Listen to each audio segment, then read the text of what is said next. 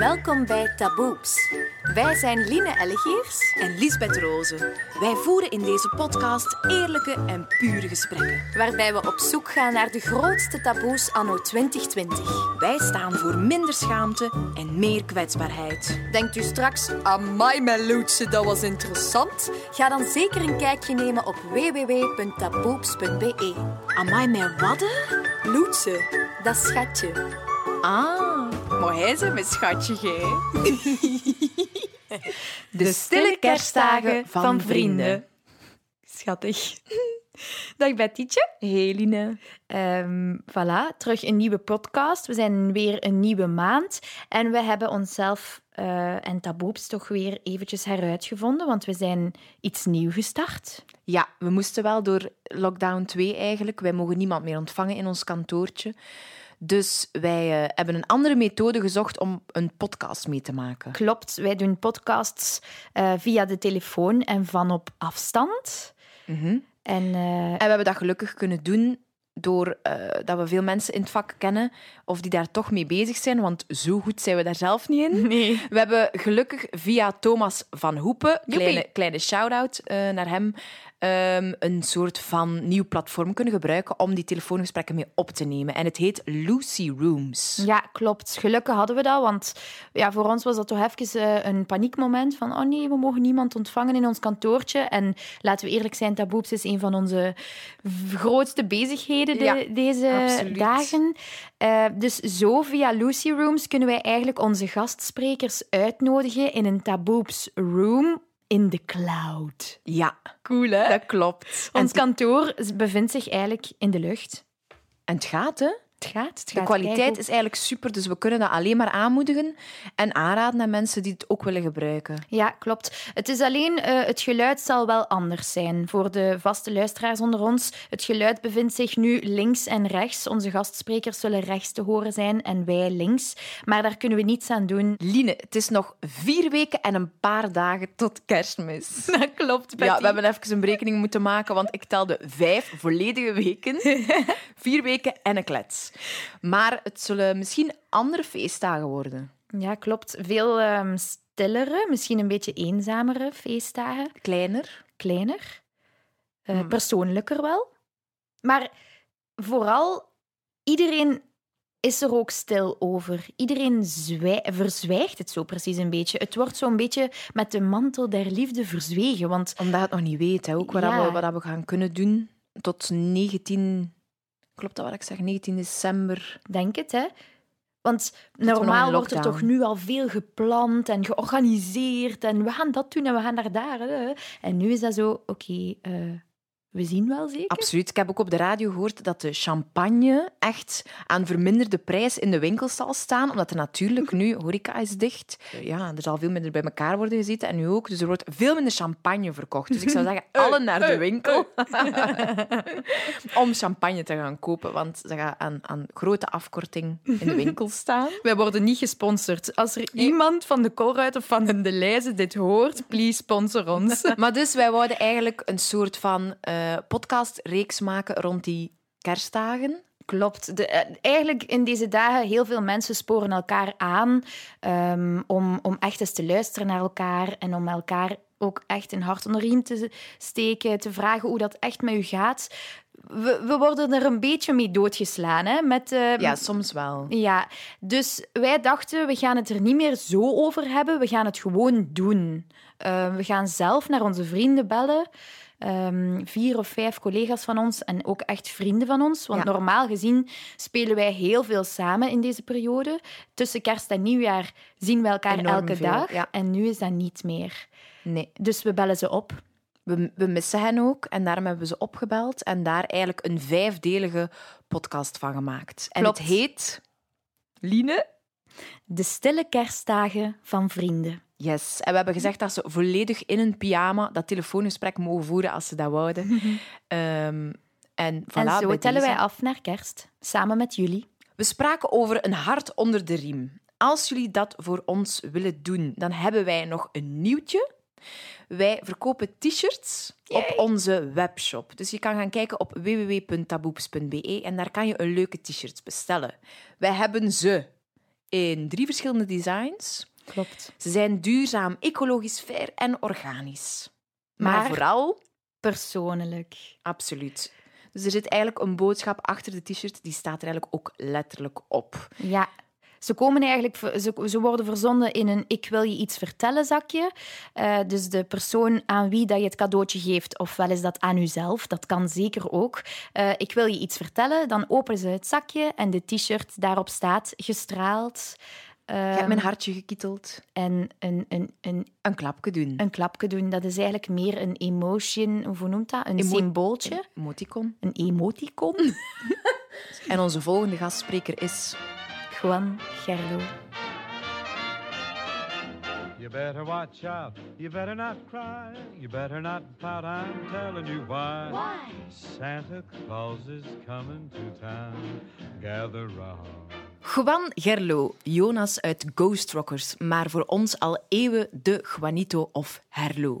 In hart en nieren een buggenhoutenaar, maar ondertussen al eventjes een sympathieke artiest te vinden in Antwerpen met zijn gitaar. Hij staat altijd paraat met raad en daad. En voor wie het nog niet door had sinds het begin van onze podcastpraat, starten wij steeds met een de slimste mens rijmpje, want goed stelen kan geen kwaad. Zalig. Dag Juan. Hey Juan! Hallo. Zo lang geleden. Ehm, hoe is het met u? Eh ça va. Eh, ik heb eh, nu een paar zo mindere dagjes. Ehm, maar eh, eh, over het algemeen, eh, eh, oké. Goed zo. Mega tof om u te zien. Dat is echt crazy Ja, eigenlijk. echt Allee, geleden. eh, voor de luisteraars onder ons, wij zijn natuurlijk ook ondertussen aan het eh facetimen. Dus wij zien Juan voor ons zitten, maar hij zit hier niet echt. Eh, wij, wij nemen dit op via de telefoon. Ehm Juan, Yes. hoe heb jij lockdown Ja. 1 eigenlijk overleefd? Heel ziek. ik ben heel ziek gevallen tijdens de eerste lockdown. Ja, eh, wel, ja, tegen het einde van de eerste lockdown. Ehm, ik eh, heb de pech gehad dat mijn auto gepikt is.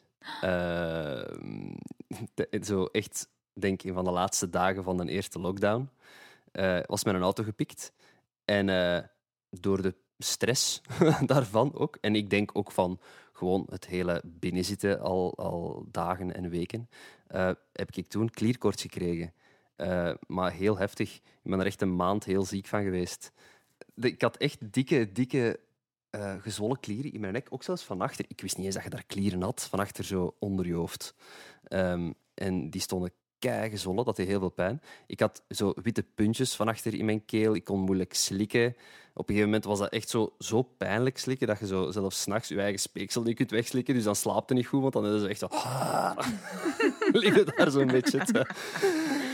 Maar, eh, iedereen ja. heeft op dat moment corona, of iedereen is bezig met corona, en jij produceert klierkoorts. Ja, dat was, maar een dokter natuurlijk. Je gaat naar een dokter. Ja, wat heb je?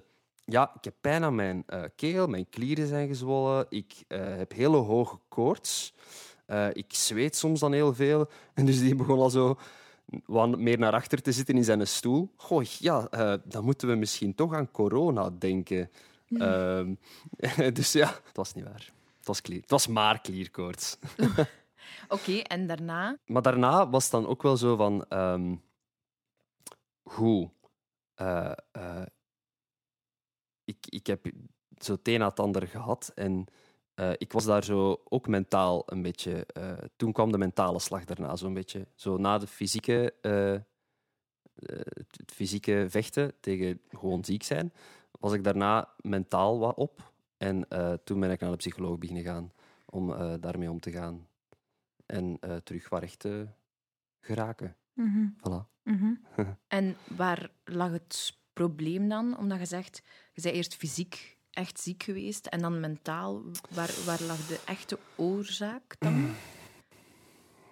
Goh, ehm, ja, ik weet niet in hoeverre dat... Maar ik denk dat jullie twee dat wel al weten, maar ik heb het nog niet echt naar de buitenwereld echt gezegd of zo. Dus, eh, primeur. Eh, maar ik heb, eh, ik heb ankyloserende spondylitis. Dat is een vorm van reuma. Ehm, dat op jonge leeftijd en vooral bij mannen begint. Ehm, dat is eigenlijk twee jaar geleden begonnen en dat heeft eigenlijk een beetje een proces in gang gezet van, van sowieso al een eerste fysieke slag en daar mentaal van afzien. En dan kwam corona en binnenzitten en daarmee omgaan. En dan zo de, al was, dat waren eigenlijk maar twee kleine dingen, maar zo de autogepikt clearcourts. En dat was zo net zo dat één tweetje dat ik nodig had om zo ehm, een gevoel van in een neerwaartse spiraal te zitten. Omdat ik heel hard besefte van, wow, mijn gevoel gaat hier alleen nog maar naar beneden. Uh, ik moet met iemand gaan praten. Ik, moet daar, ik heb daar hulp bij nodig. Want ik voel dat, ik al, dat als ik het op mijzelf laat berusten, dat ik alleen nog maar negatief denk. Dat ik alleen nog maar... Uh, dat ik mij daardoor laat doen. En als we nog even en... focussen op dat reuma-gedeelte, hoe, hoe heb je dat eigenlijk ontdekt? Wel, uh, ik speelde samen met jullie twee lieftallige deernes in uh, 4045. En um, ik denk dat dat in de periode was dat ik toen De Weert fulltime speelde. Mm -hmm. En dat personage uh, op een gegeven moment heeft een ondervragingsscène waarbij dat, dat personage valt op zijn zij. Uh, wordt van een stoel geslagen en valt op zijn zij. En ik was daar, begon daar zo na een aantal weken lichtjes stijf van te worden, maar goed, niet echt iets zwaar aan de hand. Maar in die tijd, ik weet niet of je dat nog herinnert, was ik echt heel hard aan het sporten. Ik trainde vijf, zes keer in de week. Mm -hmm. Ik was echt zo uh, ja, zwaar aan het fitnessen. Sexy. Um, trying to be, ja. Uh, en uh, op een gegeven moment ben ik gaan trainen. En uh, dat was een, hele zware training. En ik voelde al tijdens die training van... Wow, ik ben echt wel naar mijn grens gegaan. stoppen. stoppen met trainen. Dat was mijn, met begeleiding, een personal trainer erbij. Voor de rest van die avond niks, niks echt bijzonders. Gewoon heel stijf al wat beginnen worden. En de volgende ochtend kon ik niet uit bed. Maar uh, kon ik echt niet uit bed. Dus ik had, ben uh, in, in de vroege ochtend wakker geworden van enorm veel pijn in mijn onderrug en mijn uh, heup. Ik wou uit bed stappen en ik stap op mijn, mijn been, waar, mijn, mijn been waar je eerst mee uit bed komt, en ik wil daar kracht op zetten en ik zak gewoon door mijn been, omdat ik daar geen kracht op kon zetten. Uh, ik kon nauwelijks blijven staan. Ik heb toen een ontstekingsremmer gepakt en ik ben een voorstelling van 4045 gaan spelen. En naarmate doorheen een dag werd dat wel wat beter. Uh, maar dat toch zoal mankend. En dan zo op het moment dat je weet, ja, oké, nu is dat mij, nu, nu zien mensen mij even doorbijten, even normaal en dan terug oef, af. ook tijdens het omkleden. Ik kon niet voorovergebogen staan en mijn, mijn been opheffen. Dus zo uh, bijvoorbeeld kousen aandoen. Dat was, ik weet niet hoe moeilijk. Ah, dat, dat je nooit heel stom. aan had. Ja, Gerlo, doe toch schoenen aan. uh, en dan uh, is er voor mij een zoektocht gestart van ja, oké, okay, dit is... Ik ben iemand die altijd zo de keuze maakt van laat ons eerst zien of dat mijn lijf het niet uit zichzelf allemaal regelt en ja. of het niet overgaat. Ik snap dat. Um, maar misschien doen we dat wel ik ben iemand te die... snel. Te veel. Te veel. Ja, te veel, ja. Uh, dat is echt iets dat ik heb moeten leren. Van geen, uh, daar geen waarde aan hangen van meteen naar een dokter te, te stappen. Of met, je bent daardoor niet zielig of niet kleinzerig. Je bent... Uh, slim? Ja, nu, uh, ja, je bent gewoon slim. Ja, maar dat heeft ook een beetje met je, met je opvoeding te maken. Ik herken dat. Gewoon doorweten ja. en... en en misschien ook een beetje denken, wow, dat gaat wel over. Of ik ben onoverwinnelijk. Yeah. ja, of, of, gewoon ook zo het ding van, weet je, mijn lijf is tot veel in staat. Het, het zal wel lukken. Mm -hmm. uh, uh, ik, word, ik heb hier geen hulp bij nodig. Uh. De, de ideeën van andere mensen van, ga, als ik nu moet zeggen dat ik naar de dokter moet en alles wat daar van meningen van anderen aan hangen. Ja, zeker. Dat, dat, dat, dat maakt zeker uh, deel daarvan uit. Want je zit er toch mee in, zeker als je zo ook in een theaterproductie staat en je moet dan zeggen, ja, ik kan niet meer komen, ik kan niet meer, ik, ik, want ik heb pijn.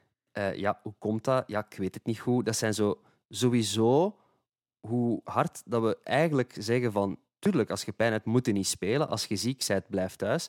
Toch wordt daar een beetje op uh, neergekeken of zo binnen de theaterwereld. Van, je moet doorgaan, je moet blijven spelen. En Dat is zo heel dubbel. Maar ik denk dat dat over het algemeen wel een beetje is. Dat dat wel een beetje onze maatschappij is. Dat, je- dat er, wordt, er wordt op u gerekend. En, en dat voelde ook. Dat, allee, dat weegt door Hmm. op u. Van, ah, er wordt op mij gerekend, ik moet daar zijn. Of dat ik nu een snotneus heb Ja. of niet. Maar nu, als je ziek bent, dat gaat niet meer. Hè? Nee, wel, dat is nog eigenlijk een, een groot voordeel van heel die coronaperiode. Op zich gaat er veel sneller geluisterd worden van oei, je bent ziek, blijf maar thuis.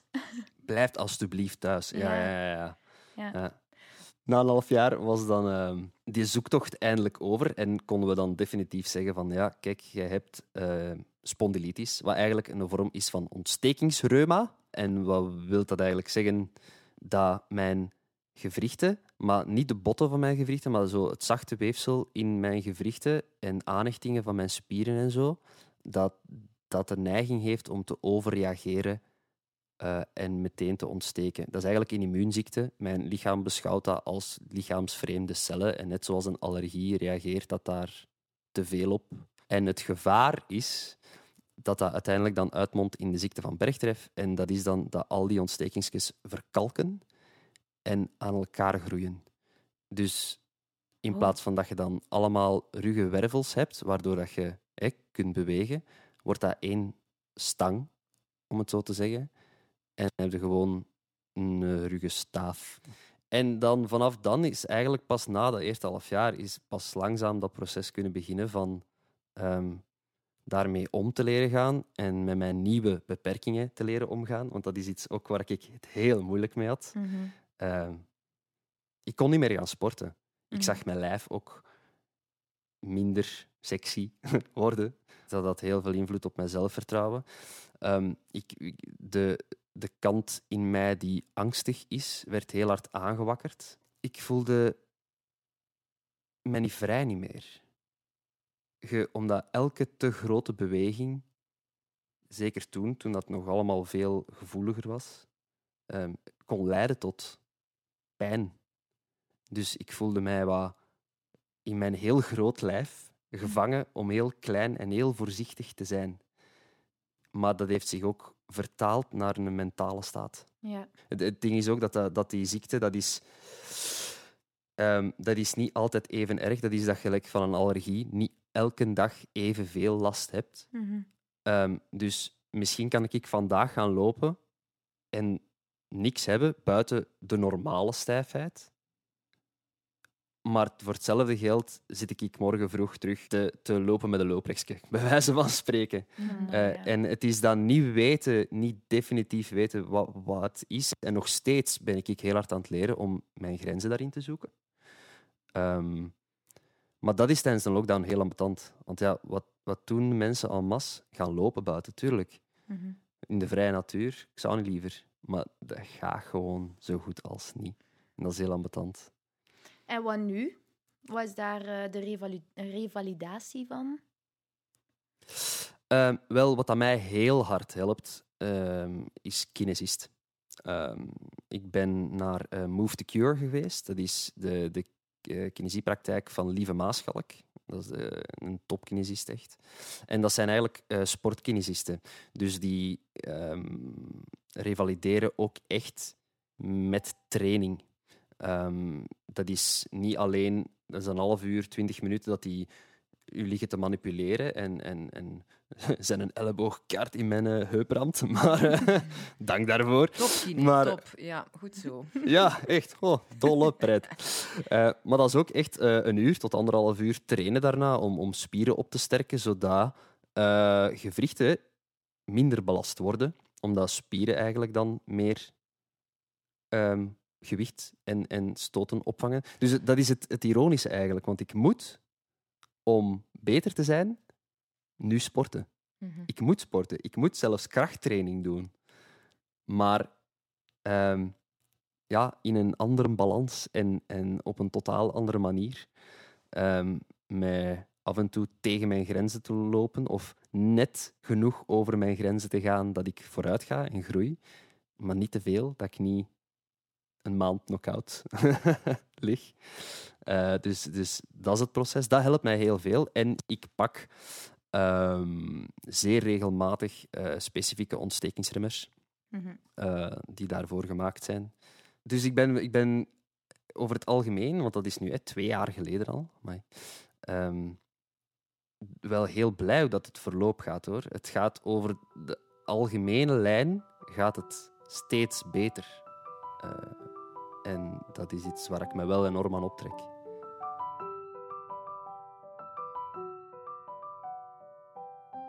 Eh, je zegt twee Ja. jaar geleden. Je bent nu hoe oud? 29, bijna 30. Ja, die nieuwe eh, tram komt eraan, tram 3. Oh, manneke. Als je u vergelijkt, als je even terugkijkt naar eh, tien jaar geleden, als je echt een twintiger was, toen stonden anders in het leven waarschijnlijk, wat dat heel normaal is. Wat is Ja, voor u zowel negatief als positief veranderd? Hmm. Eh, negatief. Eh, we- ik, ik ben wat minder zot geworden. Eh, in de zin van. Maar dat heeft te maken. Ja, ik zie je is zo dat- knikken. Is dat per se negatief? Dat is misschien rustiger. Eh, ja, maar, maar ik ben daardoor wel eens soms een beetje een soort een, een zekere speelsheid kwijt of zo. Dat ik wat Mhm. mis in mezelf. Ehm, maar ook dat is, zit in het proces van ehm, ehm, heel wat minder angstig worden en dergelijke. Van dat wel wat terug te vinden. Van wat minder voorzichtig te durven zijn. Want uiteindelijk heeft dat veel met durf te maken en niet piekeren te maken en Mhm. dergelijke. Mhm. Dus eh, daar zijn we keihard aan bezig. Ehm, en positief. ehm, ik ben minder een idealist eh, dan vroeger. En ik vind dat goed. Eh, ik. ehm, ook naar, naar mensen toe en zo. Ik durf, ik durf en, en wil de lelijke kanten ook eh, meer zien en, en, en die ook graag zien in mensen of zo. Eh, ik, dat frustreert mij steeds minder en minder. En van uzelf? Durf je dat van uzelf ook aanvaarden? Want dat is nu ook waar dat je doorheen gaat, toch? Eh, ja, maar daar zitten we nog niet. Idealisme, perfectionisme, hangt dat aan elkaar bij u? Of zeg je, oh, ja, dat valt wel mee? een beetje wel. Hm. Nee, nee, ik ben een grote perfectionist. Dat is iets waar ik ook wel tegenloop ehm, nu, in, zo in, de, in de coronacrisis. Hè, wij zitten als artiesten allemaal thuis. En ik probeer mijzelf te her, heruit te vinden. En eh, iets te doen, iets te maken van thuis uit, dat ik naar buiten kan brengen, dat ik kan doen. Ik wil ondernemen, ik wil iets doen. Maar elk plan dat ik heb, moet in mijn hoofd al zo perfect af zijn dat ik nergens aan begin. En hoe, hoe houd jij jezelf creatief in deze dagen dan? Want je zegt, ik ben creatief bezig en ik wil, ehm, ik wil veel zelf bedenken en dit en dat. En hoe doe je dat dan? Want mentaal, als het wat minder gaat, is het heel snel zo dat wij creatief ook beperkt worden. Mhm. Dat is, dat is zeker zo. En ehm, ik moet zeggen, eh, enkele weken geleden, toen dat wij met z'n allen nog een paar keer dan eh, mochten repeteren voor 4045, hoorde ik van iedereen, oh, ik ben dat beginnen doen, ik ben dat beginnen doen, en ik ben dat gestart, en ik heb dat gemaakt, en ik heb dat gebouwd. En i- dat was heel confronterend voor mij, want het enige wat ik op dat moment had, buiten dat ik dat superleuk vond voor iedereen, was zo van... En ik, ik ben gewoon er niet onder doorgegaan. Maar dat was zo... Maar ik wil ook meer. Ik wil, ik wil ook zeggen dat ik dat en dat en dat heb gedaan. Maar ik ben gewoon... Ja. Dat is oké. En dat was zo... Ik voelde mij heel klein eh, daardoor. Ja, en toch, Dat was oké. ik vind het zo groot en zo sterk, ten eerste al dat je het hier zegt. En ten tweede, eigenlijk aan onszelf werken. Dit hier van Betty en mij, dit taboeps gegeven, is een heel groot eh, verwerkingsproces geweest van ons. Merken we nu, na zeven maanden Ja. tijd. Eh, wij zijn dat wel opgestart en oké, we hebben dat gedurfd en dit en dat. Maar ons verwerkingsproces ligt volledig in het podcast gegeven en in praten en inderdaad terug verbinden met mensen en zo, om zo terug je creativiteit terug te vinden. Mhm. En ik vind dat werken aan jezelf, vind ik eigenlijk een van de mooiste en, en grootste dingen dat je kunt doen in, in het leven. Ja, want op Dat zich, is gezegd, zeker. eh, iedereen is dat opgestart of heeft dat gedaan. Je hebt gewoon iets niet zichtbaar gedaan. Of toch niet voor de mensen. Mhm. Je hebt niks gemaakt. Allee, Mhm. je hebt niks fysiek gemaakt. Maar Nee, dat is oké. Niet geëxternaliseerd. nee, Nee. je hebt aan jezelf gewerkt. Ja. En het was misschien gewoon nodig. Pauzeknop voor gewoon. Het was zeker nodig. Ja, ja, ja. Het was zeker nodig. En ik ben heel blij dat ik dit doe. En, en eh, ik denk dat, dat ik hier als rijker persoon uit ga komen. Sowieso. Sowieso. Ehm, dus, dus in dat opzicht vind ik dat ook niet erg. Maar ja, de, de menselijke kant in mij, zo het, het klein kind in de buik, dat ze soms wel eens zeggen, eh wou ook eh, trots kunnen tonen aan al zijn vrienden van, hé, kijk. eh, en dat heb ik gedaan. Ja. Maar deze week heb ik wel een beetje aan, aan u, Line, al laten horen wat ik wel heb gedaan. Ja, ik heb heel veel muziek eh, geschreven. Ja, ik wist, niet, ik wist niet of dat je het ging zeggen of niet, want ik wil hier niet... eh, maar Juan heeft hele, hele, hele mooie muziek geschreven. En oké, je deelt dat dan niet op, op Instagram of zo, want dat is ook zoiets van onze tijd. Hè? Direct delen en direct tonen van oh, ik wil bevestiging op dit. En Juan heeft dat niet gedaan. En eh, ik denk, ja, ondertussen zijn er al mega lang mee bezig. En deze week kreeg ik een eerste denkje te horen, een Oh. eerste muziekje. En dat was kei schoon.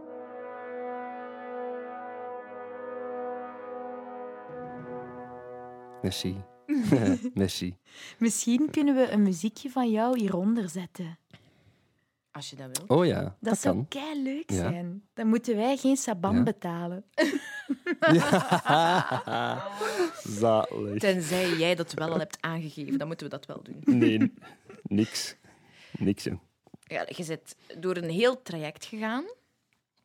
Ehm, Mhm. Heb jij heb je je alleen gevoeld in dat traject? Want eigenlijk, de enige die moet omgaan met die reuma en met die een, zeg maar een terugval of een pauze of een oei, ik voel me niet goed, dat zei jij. Heb jij je daar Mhm. eenzaam in gevoeld, alleen? Soms wel. Ehm, omdat eh, ik durfde dat ook niet te bekend maken, omdat ik schrik had van, ja, gaan mensen mij nog aannemen voor op theater eh oorlogske te gaan spelen? Of gelijk wat actieve rol te gaan doen, als ze weten van, oei, ja, maar ja, die moet oppassen. Ik wou niet dat dat zo boven mij ging, eh, of mij kleurde als, als persoon. Dus ik, ik hield dat heel hard voor mezelf. Ehm, natuurlijk Tinne, die, ja, die kon daar niet omheen. Die heeft mij op sommige momenten heel hard moeten helpen. Die heeft mij letterlijk van de grond moeten rapen eh, als, ik, als ik probeerde te stappen uit mijn bed. Eh, dus ehm, zij is daar wel heel goed mee omgegaan, vind ik. Eh, zij heeft maar op, op een paar momenten eigenlijk, wat, wat supermenselijk is, aan mij ook gewoon de vraag gesteld van maar wat voelde je dan? Wat is dan die pijn? Want ik vind dat zo moeilijk om te, te bevatten dat jij sommige dagen kunt springen en dollen en doen en niks aan de hand. En een andere dag dat je eh, ja, bijvoorbeeld moeilijk met mij kunt vrijen, omdat je pijn hebt. eh, of je heel moe bent, want dat is natuurlijk ook een ding. Je je immuunsysteem is constant in overdrive, waardoor dat je soms net zoals dat je ziek bent, eh, ja, zo moe, ineens heel moe kunt zijn. Ehm, dus, maar dat zijn, dat zijn logische vragen. Dus ik vind in het algemeen dat zij daar heel goed mee om is gegaan en mij daarin gesteund heeft. Ja, ik denk dat dat, eh, wat heel grappig is, is dat dat erfelijk is en dat mijn papa eh, zelf ineens verhalen uit zijn jeugd begon te vertellen van ja, ik ben geopereerd geweest aan mijn heupen op mijn 29, 30 jaar, omdat ik daar een keizware ontsteking had en ze wisten nog niet hoe of wat. Ja, die heeft echt zoiets gehad van, goh, amai, als je dat nu zegt, wat dat jij allemaal hebt van klachten, en ik had dat ook op die leeftijd, waarin dat, dat standaard begint bij mannen, en ik heb nu nog af en toe dat en dat en dat. Want dingen dat daarmee gepaard zijn, gaan, eh, zijn soms eh, andere ontstekingsziekten, zoals bijvoorbeeld eh, psoriasis, eh, schilfers eh, eh, op de hoofdhuid of zo, ehm, eh, maar nog eh, oogontstekingen vaak.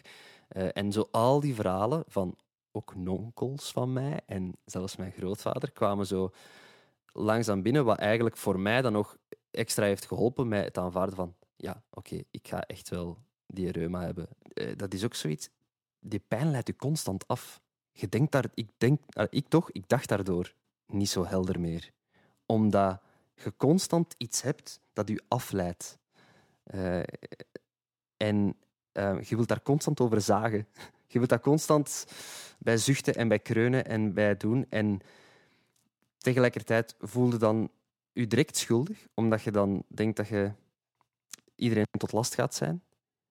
Uh, dus houd je dat binnen en dat versterkt alleen nog maar dat gevoel van alleen te zijn. Ja.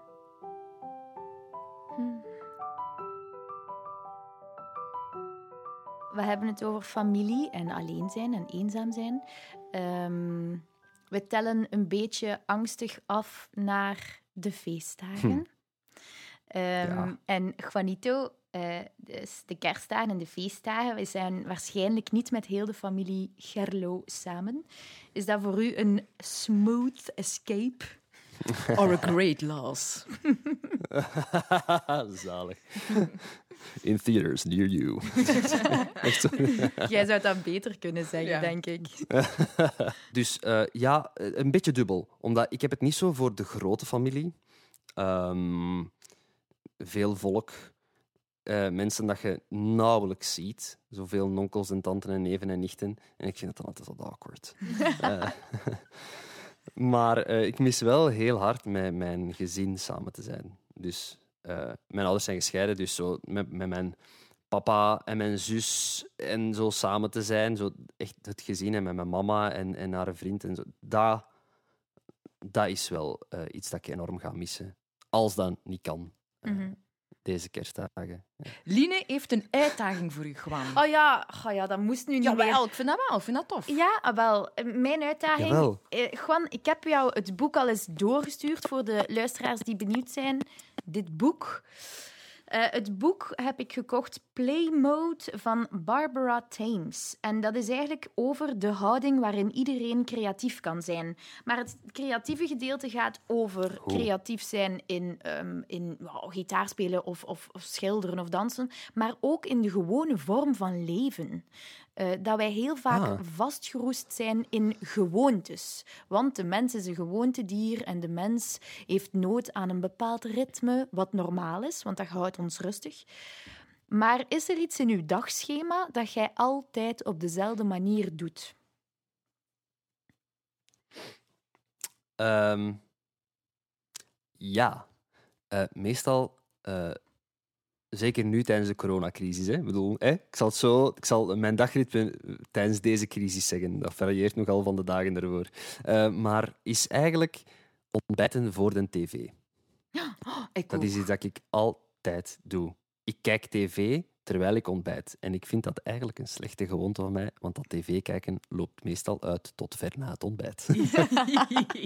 en, wel, en wel, dan is eigenlijk mijn uitdaging om gewoon eens creatief te zijn en, en na te denken, oké, vandaag of morgen of deze week um, ga ik gewoon creatief zijn met mijn ontbijt. Ik neem mijn ontbijt mee naar een park en ik zet mij op een bankje te ontbijten. Of, of ik lees eens een boek tijdens het ontbijt. Of ik lees de krant of een boek of weet ik veel wat. Uh, een andere vorm. Ik vind dat een top idee. Juan, ga dat doen. Juanito, ik vond dit een bijzonder mooi gesprek. We hebben er nu tien gehad, tien mooie podcasts. Wij zijn blij u als eerste uh, stille vrienden van de kerstdagen te mogen interviewen. Jee. En heb jij bij deze nog een taboe-tip voor de luisteraars?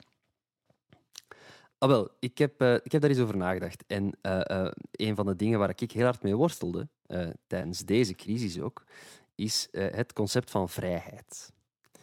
En wat ik heb ontdekt is dat uw vrijheid pas begint waar die van een ander eindigt en een ander zijn vrijheid pas begint waar die van u eindigt.